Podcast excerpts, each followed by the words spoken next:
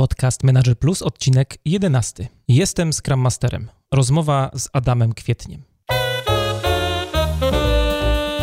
Cześć, dzień dobry. Witam Was w 11 odcinku mojego podcastu Manager Plus. Ja się nazywam Mariusz Hrabko i w tej audycji opowiadam o tym, jak zwinnie zarządzać sobą i biznesem. Jeżeli chcecie, żeby coś zmieniło się w Waszym życiu i czujecie potrzebę ciągłego szlifowania swoich umiejętności, zapraszam do słuchania moich audycji.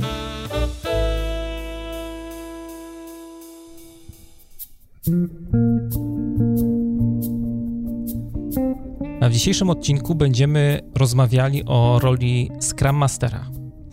Z tej właśnie okazji po raz pierwszy do programu zaprosiłem gościa, jest nim Adam Kwiecień, który obecnie pracuje właśnie jako Scrum Master w mBanku.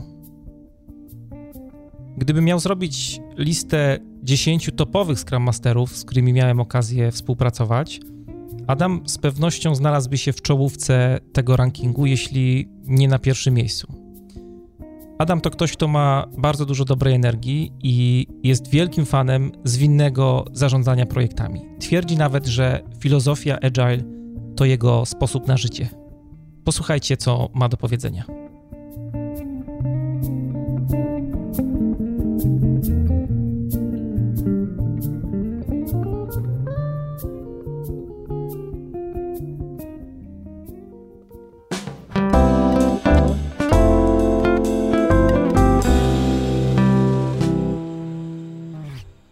Cześć Adam. Cześć Mariusz. E, słuchaj, jesteś e, pierwszym, e, pierwszą osobą, którą będę przepytywał w moim podcaście, pierwszą osobą, którą zaprosiłem do tego, żeby trochę pogadać o różnych rzeczach związanych z rolą i z byciem Scrum Masterem.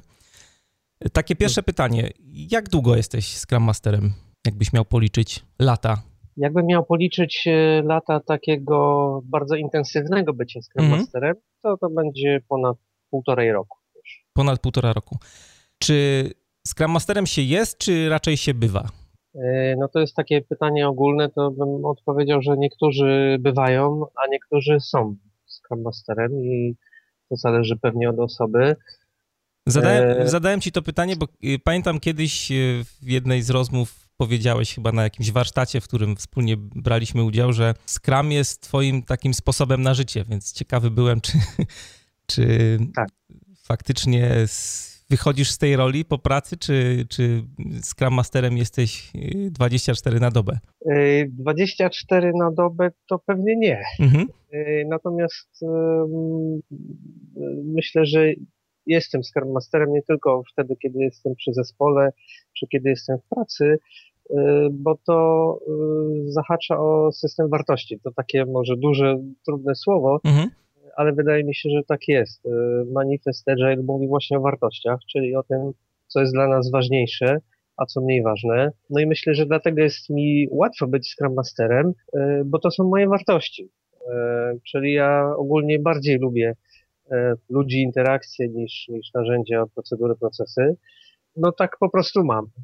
Więc bym odpowiedział tak, że to ja jestem raczej Scrum Masterem bywam. Nie muszę jakoś specjalnie wchodzić w tą rolę, kiedy idę do zespołu. Tak? Nie mam takiego przełącznika, że o, teraz idę do zespołu, więc y, muszę sobie włożyć do głowy, że, że ja chcę temu zespołowi pomóc, go wesprzeć i w ogóle to lubię ludzi. A pewnie nie zawsze tak jest i pewnie różne osoby też, tak jak widziałem w praktyce, niektórzy Scrum Masterzy mają taki przełącznik albo przy zespole zachowuję się inaczej niż potem w kuchni, kiedy rozmawiałem z kolegami. Na przykład mówią, że no to ten Scrum jest fajny, y, ale ja w niego nie wierzę. No i wtedy jest y, trudniej albo no mniej efektywnie, tak myślę. Że taki Scrum Master, który tak bywa tylko wtedy, kiedy musi, to przy nim ten zespół nie urośnie, nie rozkwitnie. Raczej wyczuje, że coś jest nie tak i, i też nie będzie dawał z siebie wszystkiego. A powiedziałeś e, o manifestie agile'owym, powiedziałeś o ludziach. Czy pracy, w takiej codziennej pracy Scrum Mastera to lubienie ludzi jest faktycznie potrzebne? To jakoś pomaga w byciu Scrum Masterem? No to, e, to jest ciekawe pytanie, aż się uśmiechnąłem, bo przypomniała mi się sytuacja mhm. z jedną e, z koleżanek z pracy, jakiś czas temu, która powiedziała, mieliśmy e, jakąś intensywną wymianę zdań, e, ale nie to, że się kłóciliśmy, chcieliśmy coś ustalić, tak żeby nasz wspólnie realizowany projekt czy zadania jakoś poszły lepiej i wtedy powiedziała, że po to, żeby to poszło dobrze, to ja nie muszę jej lubić. No i ja odpowiedziałem, że jasne, nie muszę, ale chciałbym, żeby to, co robię dla ciebie miało znaczenie i dawało ci jakąś korzyść, no bo wtedy moja praca ma jakiś mhm. sens i mi będzie tym lepiej. I potem sobie myślałem wielokrotnie o tym pytaniu, czy, czy stwierdzeniu właśnie, że trzeba lubić ludzi albo lubić zespół, czy lubić e, swoich kolegów, koleżanki w pracy. No i ogólnie to myślę, że jest tak i to pewnie potwierdzają też badania, że jak kogoś lubisz, to jesteś w stanie więcej dla, dla tej osoby zrobić. Jest więcej pozytywności wtedy, a mhm. pozytywność ogólnie wpływa na efektywność pracy, współpracy. E, więc bym powiedział, że oczywiście, że nie trzeba lubić ludzi, żeby dobrze współpracować, żeby być dobrym Scrum Masterem, ale znowu to bardzo mocno pomaga to naprawdę zmienia wiele rzeczy. Gdy ten zespół, z którym pracujesz, jest taki fajniejszy. Przechodzą do pracy i jak się spotykają, to się uśmiechają wszyscy robota jakoś tak lepiej idzie. Ja pamiętam, jak zaczynałeś pracę jako Scrum Master, tak trochę teraz sięgamy do tyłu e, mhm. wstecz i pamiętam, e, możemy powiedzieć, że to nie jest żadna tajemnica pewnie, że pierwszym Scrum Masterem byłeś w Orange'u, tam e, tak. pamiętam pierwsze warsztaty, które mieliśmy wspólnie, wtedy jeszcze tak, no nie wiedziałem kim jesteś. Pamiętam. 2013. Tak, pamiętam pierwszą naszą rozmowę po tych warsztatach. Pytałeś się, co czytać. Przyniosłeś na drugi dzień kupę zdjęć z różnymi książkami, które czytałeś, które tak. cię inspirowały. A tak jakbyśmy mieli sięgnąć do tych czasów, czy ty mógłbyś powiedzieć, jak ten proces stawania się, to górnolotne słowo, bycia Scrum Masterem w twoim przypadku wyglądał? Jak to, jak to było? Co było najtrudniejsze w dochodzeniu do tej roli bycia Scrum Masterem takim świadomym? Mhm. Y, teraz pomyślałem, że najtrudniejsze było to co było przed staniem się Scrum Masterem, dlatego że ja e, od dawna e, miałem właśnie takie wartości w pracy z ludźmi, z zespołami, że to ludzie są ważniejsi, że trzeba im dawać wolność w decydowaniu i w tym, jak będą swoją pracę wykonywać, że jak są zadowoleni, to, to będą lepsze efekty tej pracy, że zespół zrobi więcej niż pojedyncze osoby i tak dalej. I wcześniej przez e, parę ładnych lat, że tak powiem, męczyłem się z tym podejściem w środowiskach takich, gdzie procedury i dokumenty są ważniejsze gdzie niekoniecznie projekt kończy się działającym produktem, oprogramowaniem, tylko często samą dokumentacją albo mm. czymś, czego ktoś nie używa. No a ja próbowałem jednak e, realizować to, o czym e, mówi manifest, czy manifest Agile, czy, czy samo podejście takie skramowe. I w zasadzie, kiedy właśnie w 2013 roku trafiłem do tego środowiska, gdzie ten Scrum Agile y, był wymagany, albo gdzie powiedziano, że no to teraz robimy zmianę i od jutra projekty y, w projektach będziecie y, zwinni, no to ja odetchnąłem z ulgą. To też nie było takie odetchnięcie wyraźne, że wczoraj było fajnie, a dzisiaj odetchnąłem z ulgą, jest super, bo też z tym wiązał się jakiś stres. Wcześniej nie byłem Scrum Masterem, to była dla mnie nowa rola. Miałem takie trochę połączenie tej ulgi, że ale fajnie, wreszcie to w jaki sposób y, lubię pracować y, jest zgodne z tym, co, co chcą zespoły i organizacja i, i po, połączone ze stresem, no to teraz mam wyzwanie, bo to nie jest tylko moje, ale będzie ktoś patrzył z boku, będą oceniane efekty i tak dalej. A twoja rola e, wcześniej to... wyglądała jako, znaczy kim byłeś wcześniej jako... E... Wcześniej to były różne rodzaje zarządzania projektami. Mhm. Te, te role. Czyli project manager bardziej, tak? Tak. Jeszcze dużo wcześniej y, miałem takie role związane w jakiś sposób z informatyką, z y, różnymi technologiami. Często to było takie wsparcie y, techniczne sprzedaży, tak bardzo szeroko mówiąc, czyli ktoś coś sprzedawał, a ja musiałem potem iść do klienta i pokazać, że to, to co ktoś inny obiecał, to rzeczywiście działa. Zrobić jakieś wdrożenie, jakiś projekt, tak dalej. Czyli i tam było mało zwinności i rzeczy takich skramowych, natomiast było bardzo dużo pracy z ludźmi, kontaktów z klientami e, i to też były fajne ćwiczenia. E, w paru miejscach koledzy mówili na mnie, mówili, że jestem takim specjalistą od trudnych klientów, czyli tam, gdzie czynnik ludzki przestaje działać, no to Adam, idź, bo tobie to najlepiej wyjdzie. Tak, masz terapeutyczną gębę bardzo... po prostu. Pytałem, e, Adam, o tą twoją poprzednią rolę, bo powiedziałeś, że zajmowałeś się zarządzaniem, bo jest to ciekawa rzecz w ogóle w Scrumie, tak jak rozmawia się dużo o roli Scrum Mastera i w kontekście innych ról w organizacji, to bardzo często mówi się, że tego Scrum Mastera, tej roli nie powinno się łączyć z rolą menedżera. Jest coś takiego, że menadżer ma pewne, y, ja to nazywam skażeniem menedżerskim, czyli są pewne, jest pewien zbiór nawyków, których, y, które nie są niczym złym y, absolutnie, tylko po prostu oczekuje się od menedżerów zupełnie innej, innej roli w organizacji. Mają minimalizować ryzyko, mają e, czuwać nad standardami, podtrzymywać status quo, mają zarządzać e, i tak dalej. Natomiast zauważyłem coś takiego, że przy małych organizacjach, co w Twoim przypadku to, to tak, tak nie było, jest tak, że ta tranzycja e, menedżera na Scrum Mastera wygląda dużo łatwiej, znaczy przebiega dużo sprawniej. Natomiast w dużych organizacjach, y, w korporacjach, tak jak ty pracowałeś w Orange'u, teraz y, pracujesz w banku jako Scrum Master, takie przechodzenie z menedżera na, na Scrum Mastera jest dużo trudniejsze. Chciałem cię zapytać, y, czy faktycznie w twoim przypadku tak było, czy, czy nie? Czy ten proces przełamywania się z roli, z wychodzenia z butów menedżera, wchodzenia w buty Scrum Mastera był faktycznie dla ciebie trudny? Jeżeli był trudny, to jakie tutaj wyzwania napotkałeś? No nie był trudny, bo właśnie um, troszkę mi nie pasowała ta, mówimy o e, project managerze, ale też dotyczy to pewnie menedżerów tak zwanych liniowych i, i innych mhm. E, stanowisk czy ról w organizacji. Tutaj myślę, że jeżeli ktoś jest um, takim liderem, tak, tak zwany servant leader, czyli kimś, kto jest dla zespołu, dla swoich ludzi takim zasobem, pomocnikiem, no to wtedy ma takie podejście po prostu, mm. no to wtedy jest mu o wiele łatwiej. To ta zmiana jest radością, a nie cierpieniem. I no, mi było e, bardzo łatwo tą zmianę zrobić. Ja się ucieszyłem z, z tego. Czy mi to w jakiś sposób przeszkadzało? Chyba nie. Y, to też, y, to też są pewne doświadczenia w takim standardowym, typowym project managemencie. Pewne rzeczy, które się wykonuje, harmonogramy, podejście do, do zarządzania ludźmi, że trzeba ich podzielić, jakoś przypisać im zadania, to, to też jest jakieś doświadczenie i fajnie jest przez coś takiego przejść i wiedzieć, jak to działa. Wtedy w sytuacjach, kiedy ta zwinność Scrum się styka z innymi obszarami, gdzie jest inaczej, no to też e, łatwiej jest ten styk ogarnąć.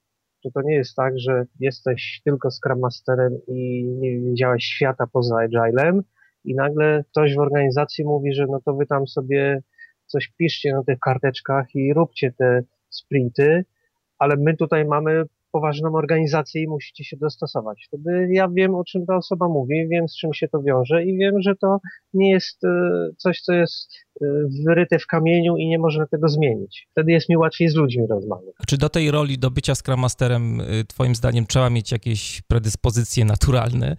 Trzeba się jakoś, nie wiem, urodzić z powołaniem do bycia Scrum Masterem, czy nie? Czy to są rzeczy, które da się jakoś wypracować, te, te kompetencje czy, czy umiejętności bycia Scrum Masterem?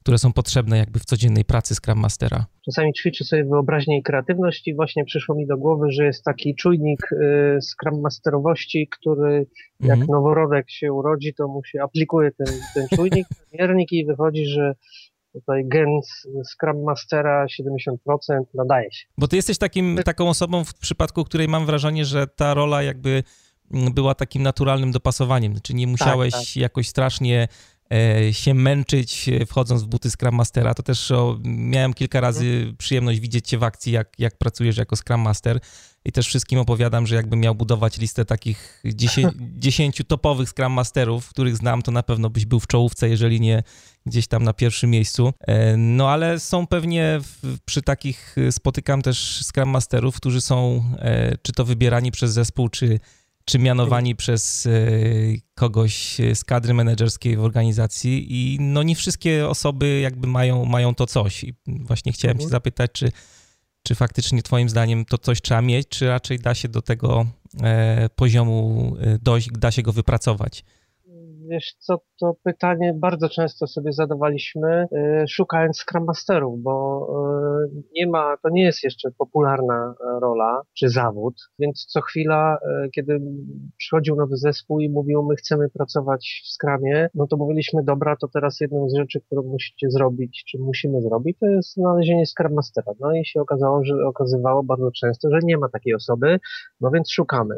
Jak szukamy, to się zastanawiamy, kto pasuje, jakie cechy powinien mieć, powinna mieć taka osoba. No i y, nie ma takiego szablonu, który możemy zastosować do wszystkich przypadków i właśnie powiedzieć, że oto 70% to, to jest nie bo my mamy limit ustawiony na 80%. I wtedy podchodziliśmy do tego tak i ja też staram się tak podchodzić, jakby każdy ma szansę. Człowiek się rodzi z jakimiś y, predyspozycjami do jednych rzeczy, a inne rzeczy mu będzie trudniej robić, to, to ja na to patrzę tak, że to, do czego masz predyspozycję, możesz z łatwością e, używać tych cech. To, do czego nie masz predyspozycji, też możesz to robić, tylko że się będziesz męczył. Być może do końca życia. To wtedy zostajesz na poziomie uświadomionej kompetencji. Za każdym razem, kiedy będziesz chciał coś zrobić z zespołem, no to będziesz musiał się 5 sekund przygotować, pomyśleć, napiąć muskuły jechać. I tak też można. To, to nie jest źle. E, ja pytam wtedy, czy sam siebie, czy inne osoby, które chcą albo są Scrum Masterami, czy lubisz to robić, czy chcesz to robić, czy daje ci to jakieś korzyści. I tak samo też staram się z zespołami pracować. Jeżeli czegoś nie lubisz, nie ma to dla ciebie korzyści, albo nie ma to w ogóle sensu, no to można to robić na siłę, ale raczej nic z tego nie będzie. Jeżeli lubisz coś robić i czy taki Scrum Master lubi to robić, lubi pracować z zespołem, ma to dla niego jakąś wartość, no to wtedy pracujemy nad tym, żeby bez względu na to, jakie duże były te predyspozycje, żeby być, żeby taka osoba stawała się coraz lepsza, coraz lepsze miała umiejętności, żeby to ćwiczyła, miała coraz większe poczucie takiego bezpieczeństwa wiary te swoje umiejętności. Więc fajnie, jak ktoś ma takie, ma to coś, to wtedy może z tego być e, rzeczywiście e, rakieta, mhm. super zespół i wszystkim to przychodzi z łatwością. Jak nie ma tego czegoś, to jest trochę trudniej, ale też można. Masz wrażenie w, y, w, swojej codziennej pracy, że ta rola faktycznie, czy ty faktycznie pomagasz y, w dojrzewaniu zespołów? Mówiłeś trochę o tym y, na początku. Czy miałeś też jakieś takie sytuacje, gdzie faktycznie widziałeś, czy to osoby, członkowie zespołów, czy, czy sam zespół faktycznie dojrzewał za twoją sprawą? Były takie sytuacje w twojej pracy? Tak, Próbuję sobie przypomnieć teraz jakieś takie spektakularne sytuacje, hmm. Ale być może takich nie będzie, bo dojrzewanie to, to tak jak innego rodzaju dojrzewania. E, dojrzewanie zespołu to nie jest coś, co się dzieje z dnia na dzień. Mhm. Proces, e, jest kilka modeli tego, jak zespół przechodzi przez te etapy rozwoju. No i wszyscy, którzy pracują z zespołami, czy z rozwojem ludzi w ogóle, mówią, że nie rób tego szybko, bo się nie uda na to potrzeba czasu. Ja często, jeżeli chodzi o takie pojedyncze sytuacje, to często widzę, widzę to sam, e, albo jak nie widzę, to pytam, proszę o feedback, czy dane, dany warsztat, dane spotkanie, e, dana sytuacja, przez którą, przez którą przeszliśmy, dała jakąś wartość, co tam było dobrego, czego się nauczyliśmy. E, no i wtedy w takich pojedynczych sytuacjach często właśnie mam taki, taką informację zwrotną, że wow, było super, no naprawdę. Nie myślałem, że potrafię coś takiego zrobić, albo e, nie wiedziałem, że to tak fajnie wyjdzie. Bałem się tego, a wyszło fantastycznie. Teraz jak takie pojedyncze sytuacje się dodaje, ich jest sporo przez jakiś dłuższy okres czasu, no to to jest dla mnie ten proces e, dojrzewania zespołu. I to fajnie widać wtedy, kiedy jako Scrum Master wychodzę z zespołu na chwilę albo na dłużej, a temu zespołowi się nic nie dzieje. Oni dalej pracują na jakiejś wysokiej efektywności.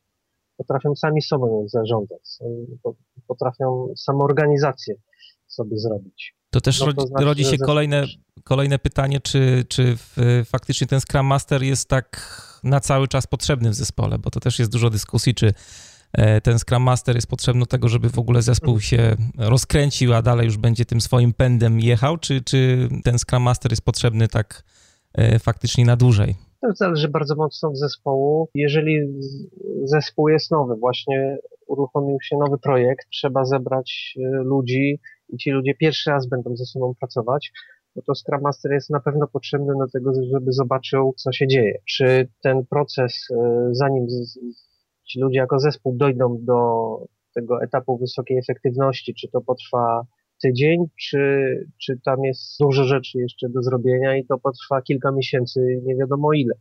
No to ta faza wstępna zawsze tam jest Scrum potrzebny, a potem to już zależy od zespołu. Być może ci ludzie wcześniej ze sobą e, pracowali albo są tak dobrzy w pracy zespołowej, że przez te pierwsze etapy przejdą błyskawicznie, że się od razu pokłócą, potem ustalą wspólne zasady pracy i tak dalej, i tak dalej. Tutaj nie ma jednej odpowiedzi, że E, jeżeli ktoś wchodzi do zespołu i jako Scrum Master i pyta, to ile ja czasu będę tutaj potrzebował, żeby, żeby dobrze pracować z tym zespołem. Są jakieś statystyki, no ale to, to, to bym traktował raczej jako taki, taką pier, pierwsze przybliżenie, tak, że jako Scrum Master możesz poświęcać czas na, na dwa zespoły, więcej niekoniecznie, ale niech cię to nie ogranicza.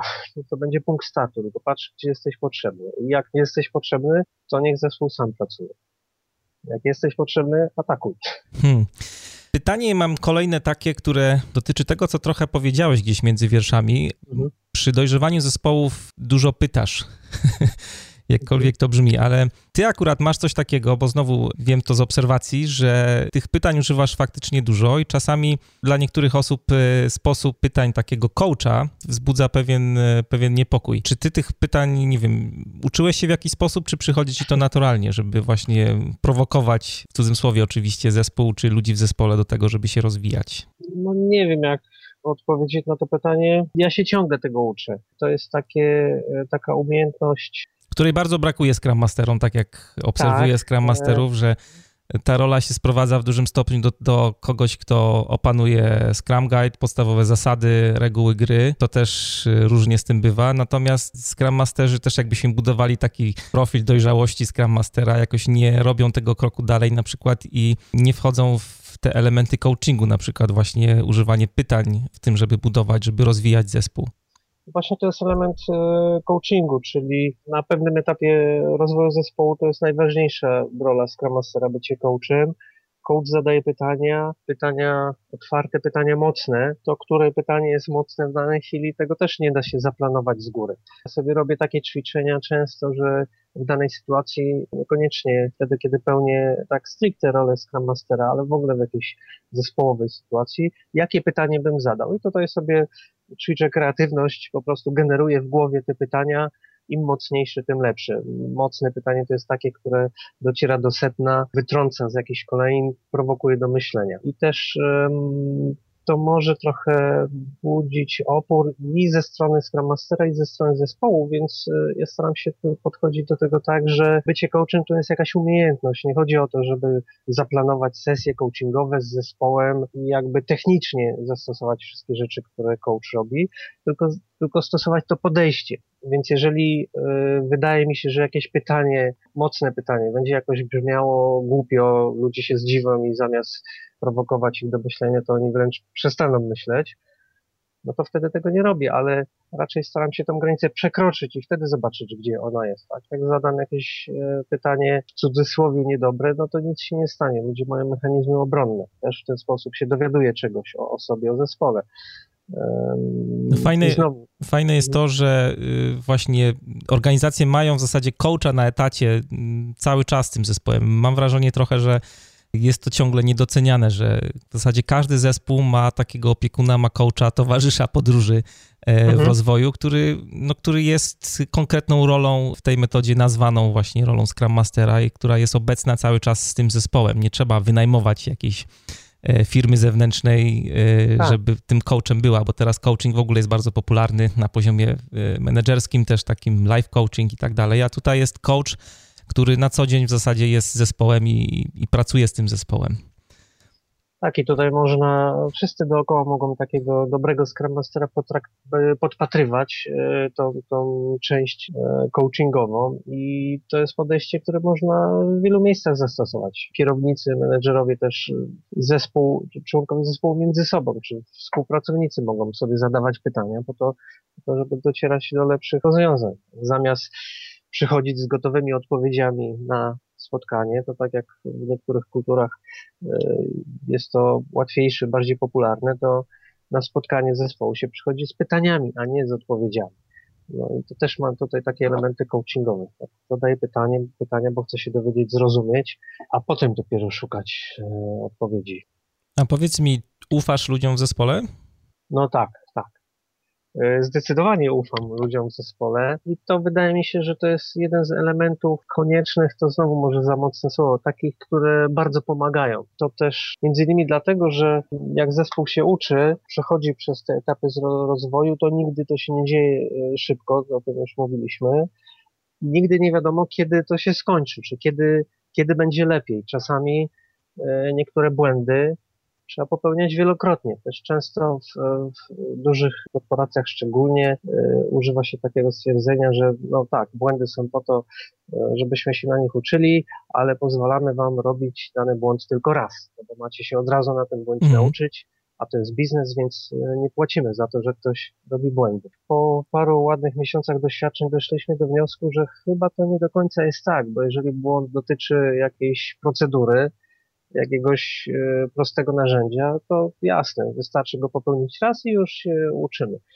Natomiast jak dotyczy trudniejszych rzeczy, współpracy czy pracy zespołowej, to czasami trzeba się pomylić, przewrócić wielokrotnie. No i tutaj ten element zaufania dla mnie objawia się w tym, że jeżeli ktoś, zespół się przewrócił kolejny raz, to ja ufam, że on się któryś raz nie przewróci, że za którymś razem się nauczy. Wierzę, że, że ten zespół tak chce, potrafi ma do tego możliwości, zasoby e, i kiedyś to się stanie. A masz jakieś e, granice tego zaufania? Nie wiem. Myślę, że na pewno gdzieś jest jakaś granica, bo w przyrodzie nie ma procesów, e, czy rzadko są procesy liniowe, raczej rzeczywistość jest złożona z nieliniowości, więc pewnie gdzieś dotarłbym do jakiejś ściany, do granicy, poza którą bym powiedział, dobra, to ja już straciłem zaufanie, ale ta granica jest gdzieś bardzo daleko. Mhm. Tutaj nie wiem, co by się musiało zdarzyć, żebym do niej dotarł. Scrum jest e, taką metodą, która, chciałem jeszcze temat e, zespołu podrążyć, e, mhm.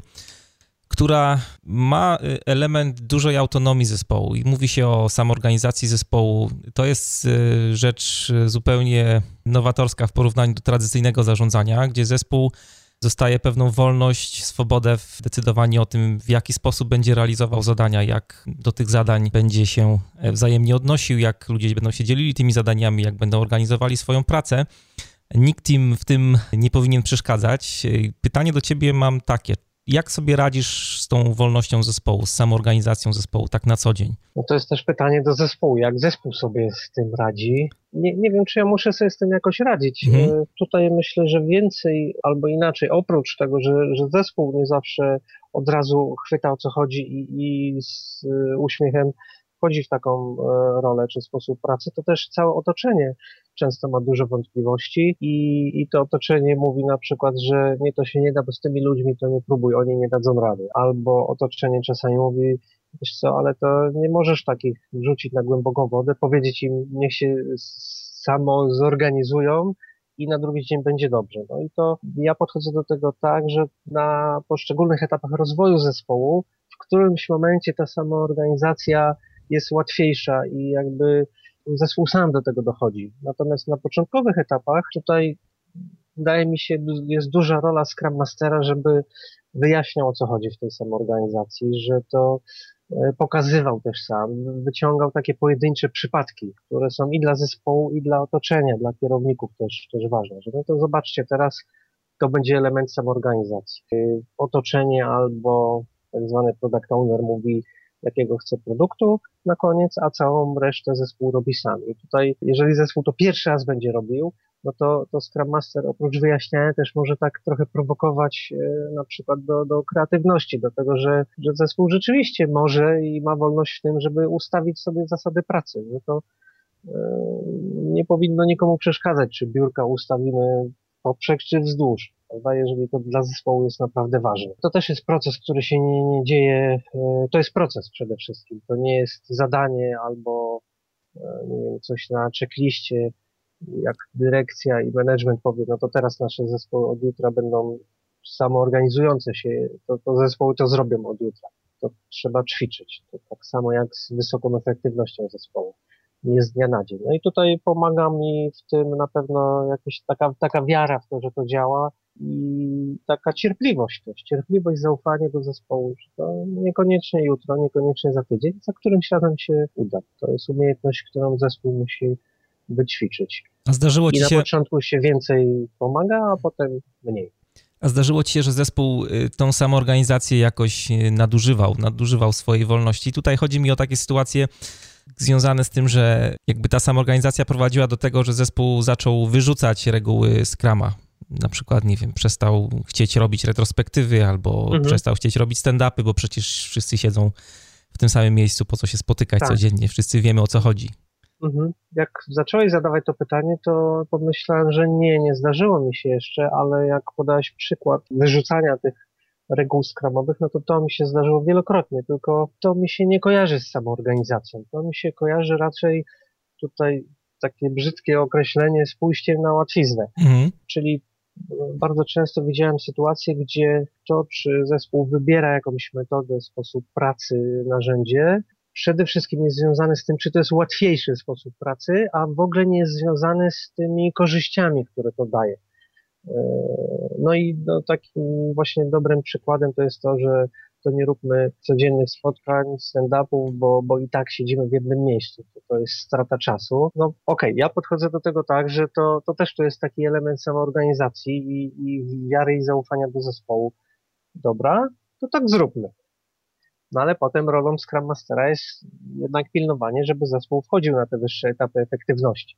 Czyli myślę, że tutaj trzeba być czujnym, czy to jest takie pojedyncze zrezygnowanie z, z jakiejś e, wartości Scrama albo z jakiejś techniki, która najczęściej daje e, korzyść, tylko tutaj nie wyszło, czy to już jest kolejna, kolejne unikanie rozwoju, tak to nazwę. Mm -hmm. Jak to się dzieje często, no to w końcu zespół dochodzi do, do takich, takiego standardowego um, sposobu pracy, który ma mało wspólnego ze zwinnością, ze Scrumem.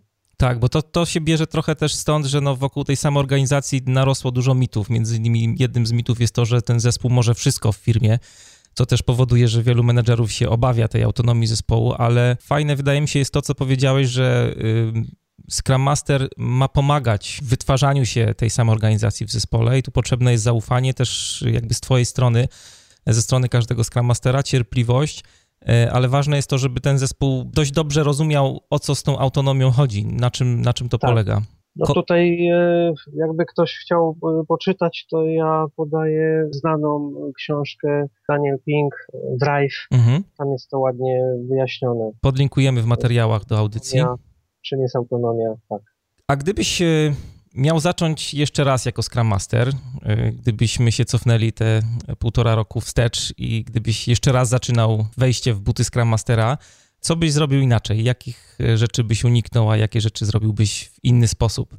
Mhm. No to jest y, trudne pytanie kolejne trudne pytanie, bo nie wiem, co bym zrobił inaczej, e, dlatego że nie, ani nie miałem jakiejś takiej konkretnej ścieżki, którą chciałem zrealizować i teraz wiem, że w którymś miejscu ona mi nie wyszła, więc e, drugi raz to bym zrobił tak, żeby to wszystko wyszło. Gdybym jeszcze raz zaczynał, to pewnie byłaby inna sytuacja. E, ja raczej starałem się codziennie zastanawiać się, co w danej sytuacji mogę zrobić inaczej, lepiej, e, w którą stronę iść, w którą stronę zespoły powinny iść. No i takie myślenie na bieżąco tu i teraz no, za każdym razem jest inne. Też mieliśmy takie, takie refleksje z kolegami po paru miesiącach pracy w, w zespołami skramowymi i w takim uzwinianiu organizacji, to może takie duże słowo, ale E, trochę tak było, że chcieliśmy tę, tę zwinność jakoś szerzyć, e, że nie zrobiliśmy żadnego takiego dużego błędu. Potem nazwaliśmy to w ten sposób, że po prostu jak się przewracaliśmy, to natychmiast wstawaliśmy i,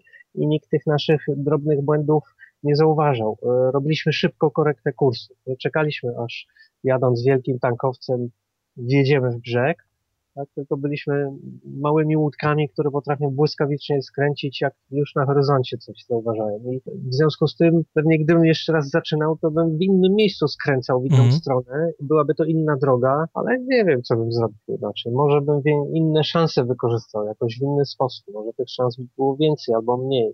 A jest coś, co, co uważasz za jakąś taką e, największą porażkę swoją w pracy Scrum Mastera? Już trochę powiedziałeś, że takich błędów no nie było, tylko korygowanie kursu cały czas, ale było coś takiego faktycznie, jakieś taka, jakaś takie niepowodzenie, które bardzo dużo cię nauczyło e, w tej pracy. Właśnie nie wiem, czy, czy nie potrafię znaleźć jakiejś takiej dużej rzeczy. Natomiast małych błędów jest mnóstwo. Tylko bardziej podchodzę do tego, że to są właśnie takie korekty kursu. Tak? Nie wyszło nam start w jakimś zespole. Tak? Po, po tygodniu się okazało, że tam w ogóle nic nie działa, bo nikt nie przychodzi na spotkanie. Albo próbowaliśmy zarazić kogoś zwinnością, poszliśmy do, do managementu, do dyrektorów, a oni nie przyszli na spotkanie. Mm. To coś pewnie zrobiliśmy nie tak. To może w ogóle nie ma sensu tam iść drugi raz. Prawda? Takie drobne błędy, chociaż one też się składają no właśnie na taką, takie codzienne szukanie szans, nowych y, dróg, jak, jak iść. Tutaj nie, nie jest tak, że wiadomo, którędy trzeba pójść i ta ścieżka jest prosta, znana, wszyscy się co do tego zgadzają i nie ma problemów, tylko trzeba to wykonać. Oczywiście są doświadczenia już związane ze Scrumem Agilem i w Polsce i na świecie i, i wiadomo, które rzeczy lepiej działają, które nie, ale jak jesteś już w butach Scrum Mastera z zespołami, no to to raczej jest tylko taka wytyczna, początek drogi, start, a potem co, co zrobisz, no to tutaj to każdy błąd jest y, możliwy. Hmm. A jak y, słyszysz e, takie słowa dobry Scrum Master, z czym ci się to kojarzy, tak pierwsze skojarzenia, które masz? No pierwsze skojarzenie, które mi teraz przyszło do głowy, mm. to mhm. jest uśmiechnięty Scrum Master. No jasne. Uśmiecha w stronę zespołu. ale to może jest takie skojarzenie, bo ja tak mam, no to... No, ale to, jest bardzo ważne, wbrew pozorom. Yy, tak, kojarzy mi się to też z feedbackiem, który e, od różnych zespołów dostawałem i, i taką ich oceną w ogóle sytuacji, co, co działa, co nie działa, że jak Scrum Master wchodzi do zespołu, to tam jest lepsza energia, bo tam się chce pracować, nie, nie boją się wyzwań, jak się nawet spotkną i przewrócą, mm -hmm. to, to nie uciekają od razu od tego. A drugą rzeczą, która mi przychodzi do głowy, to jest taki dalszy etap rozwoju zespołu i ta sytuacja, kiedy Scrum Master się zaczyna wycofywać. I tutaj mi się to kojarzy z tym, że jak Scrum Master się wycofa, wyjdzie z zespołu, to zespół już dalej idzie e, w dobrą stronę sam. Sam się potrafi rozwijać, sam potrafi być e, efektywny, sam potrafi poprosić Scrum Mastera o pomoc wtedy, kiedy ta pomoc jest potrzebna.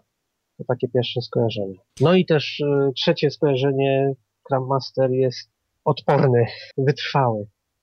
Nie jest łatwo go zabić. Ja kiedyś porównywałem właśnie rolę Scrum Mastera jako jedną, jedną z metafor, która mi przyszła do głowy też mhm.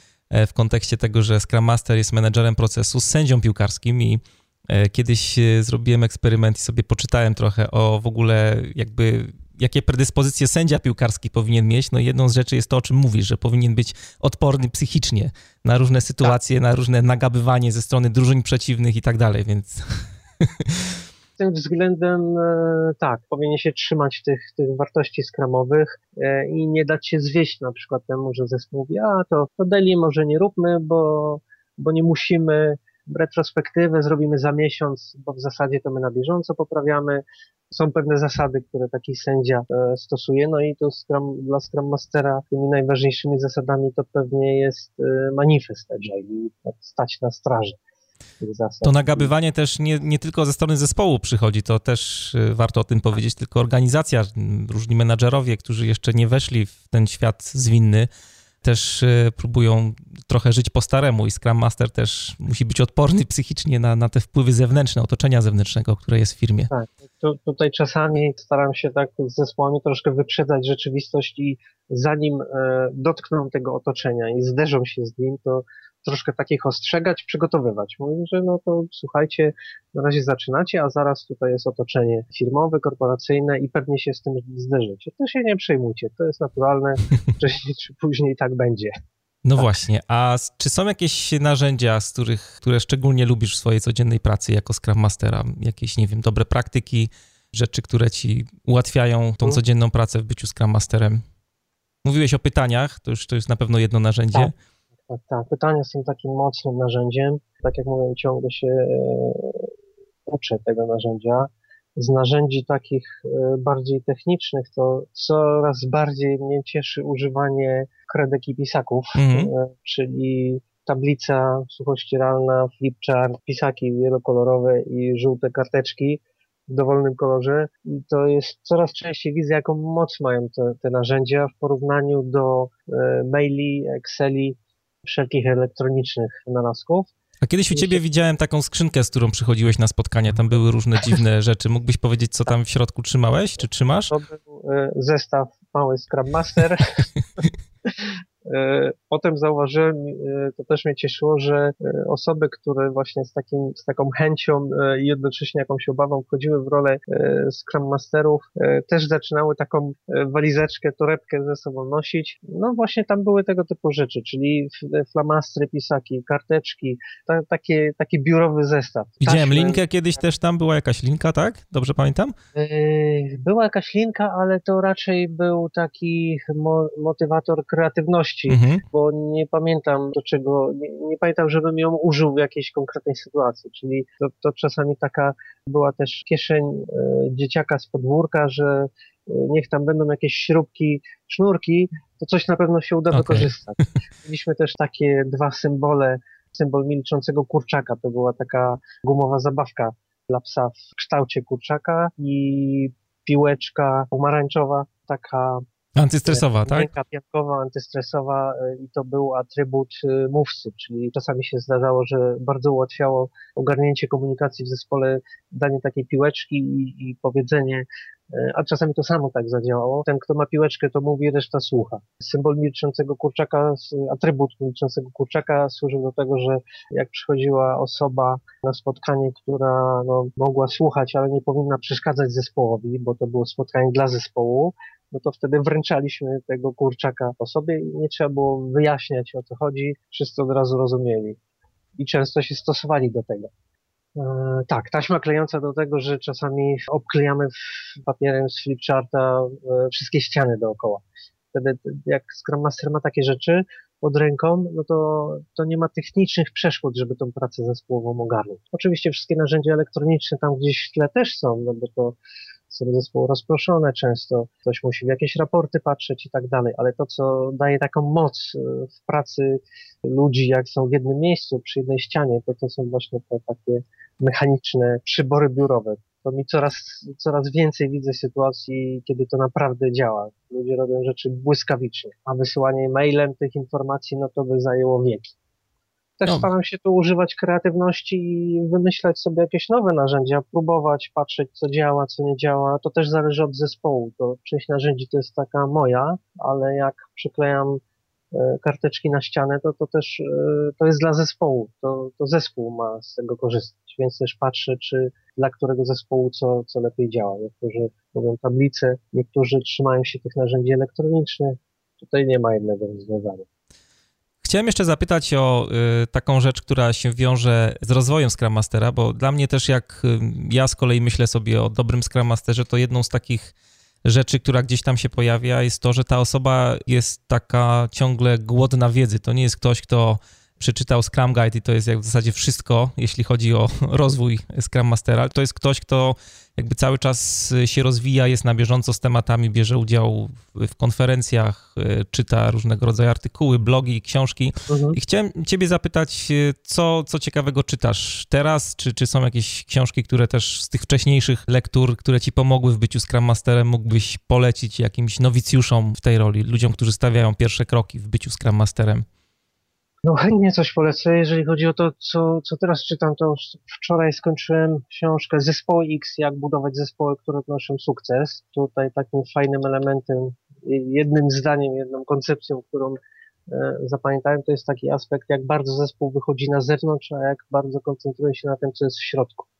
Ta koncepcja mówi o tym, że chodzenie na zewnątrz e, jest ważniejsze niż to, co zespół robi w środku, szczególnie w pewnym etapie rozwoju na początku e, można poświęcić tą wewnętrzną efektywność kosztem tego, że zespół wyjdzie na zewnątrz, czyli dotrze do tych użytkowników, do interesariuszy, e, do sponsorów, którzy są ważni w danym, e, w danym projekcie, w danym produkcie. Niedawno też trafiłem na książkę Liderzy jedzą na końcu. Piękny tytuł. Na okładce talerz i sztućce. Autorem jest Simon Sinek bardzo fajnie napisana książka. Tam też jest o tym, o tym dawaniu wolności zespołom i o tym, jak w standardowej takiej strukturze zarządzania na samej górze jest ten poziom podejmowania decyzji, a na samym dole jest ten poziom, gdzie są informacje potrzebne do podejmowania tych decyzji i taka koncepcja mówiąca o tym, że trzeba te dwa poziomy złączyć. To znaczy nie da się wszystkich informacji przenieść na poziom e, zarządu, chociaż są takie próby, tak? Zarząd się wypytuje, dostaje raporty, musi wszystko wiedzieć po to, żeby podjąć dobrą decyzję,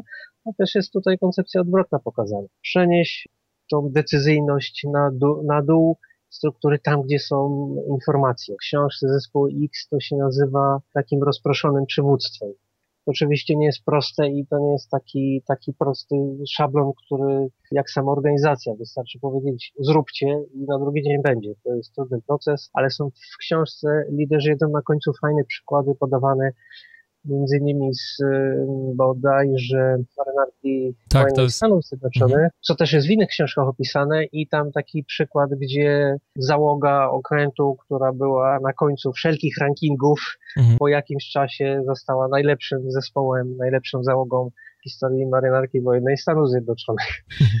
E, I to się nie stało przypadkiem. To tą książkę bym polecił też bardzo bardzo duże wrażenie na mnie zrobiła, chociaż no, z, z wieloma rzeczami się zgadzam, więc nie było jakoś nowe, ale ładnie poukładane. Książka e, Ciszej proszę.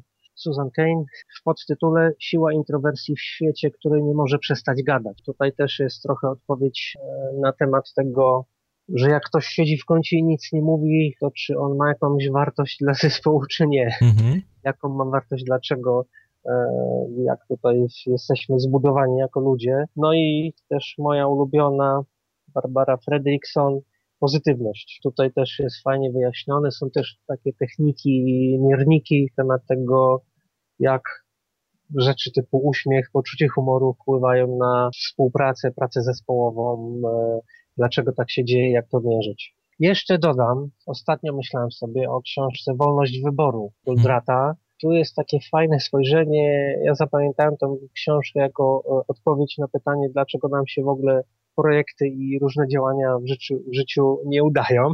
Hmm.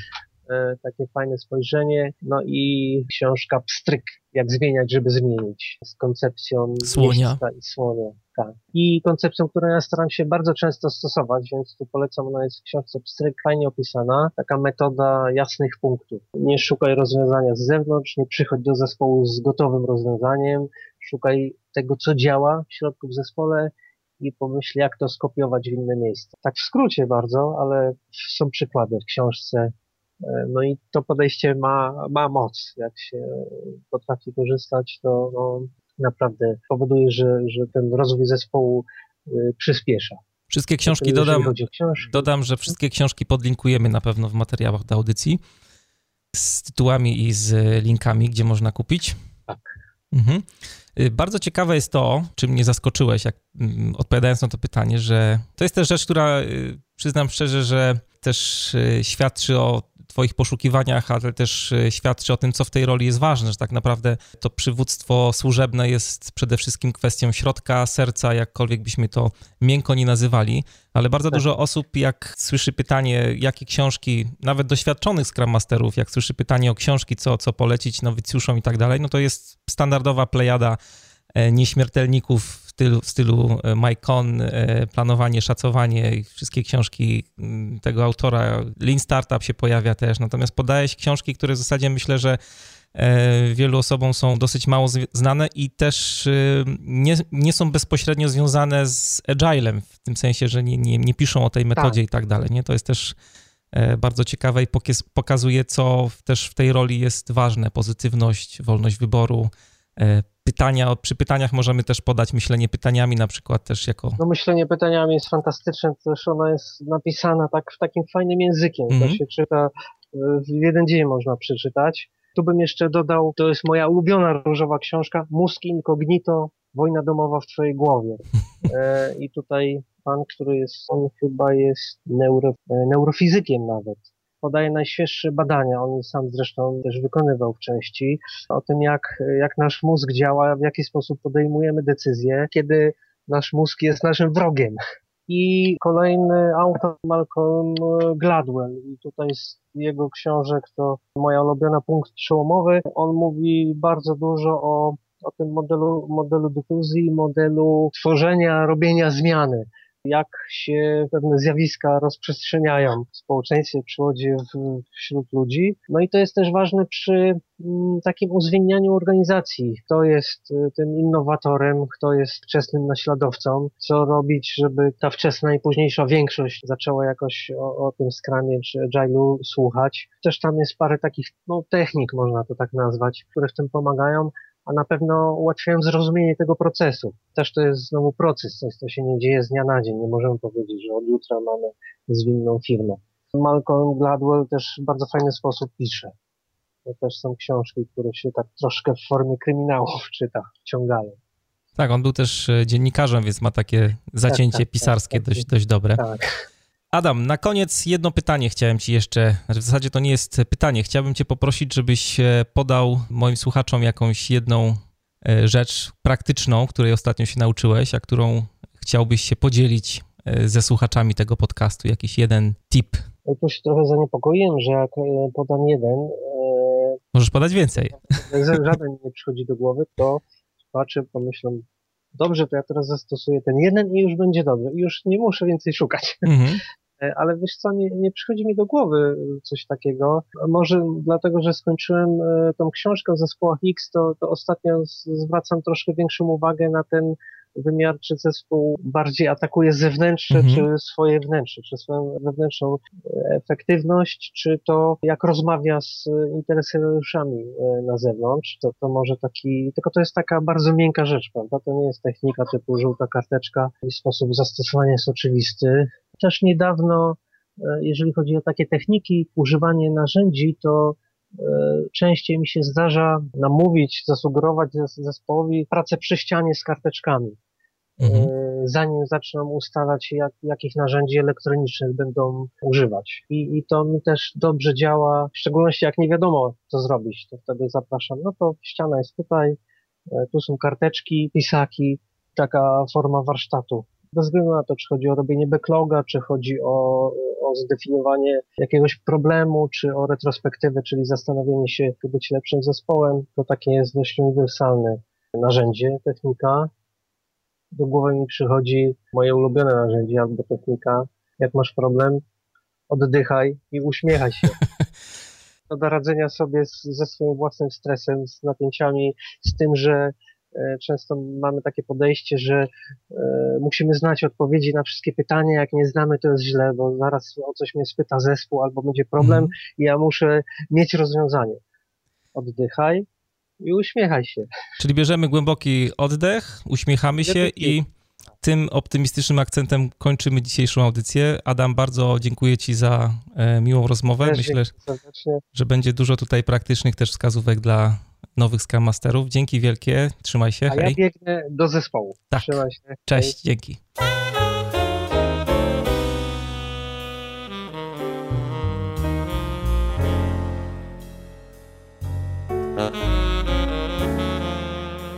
Yeah.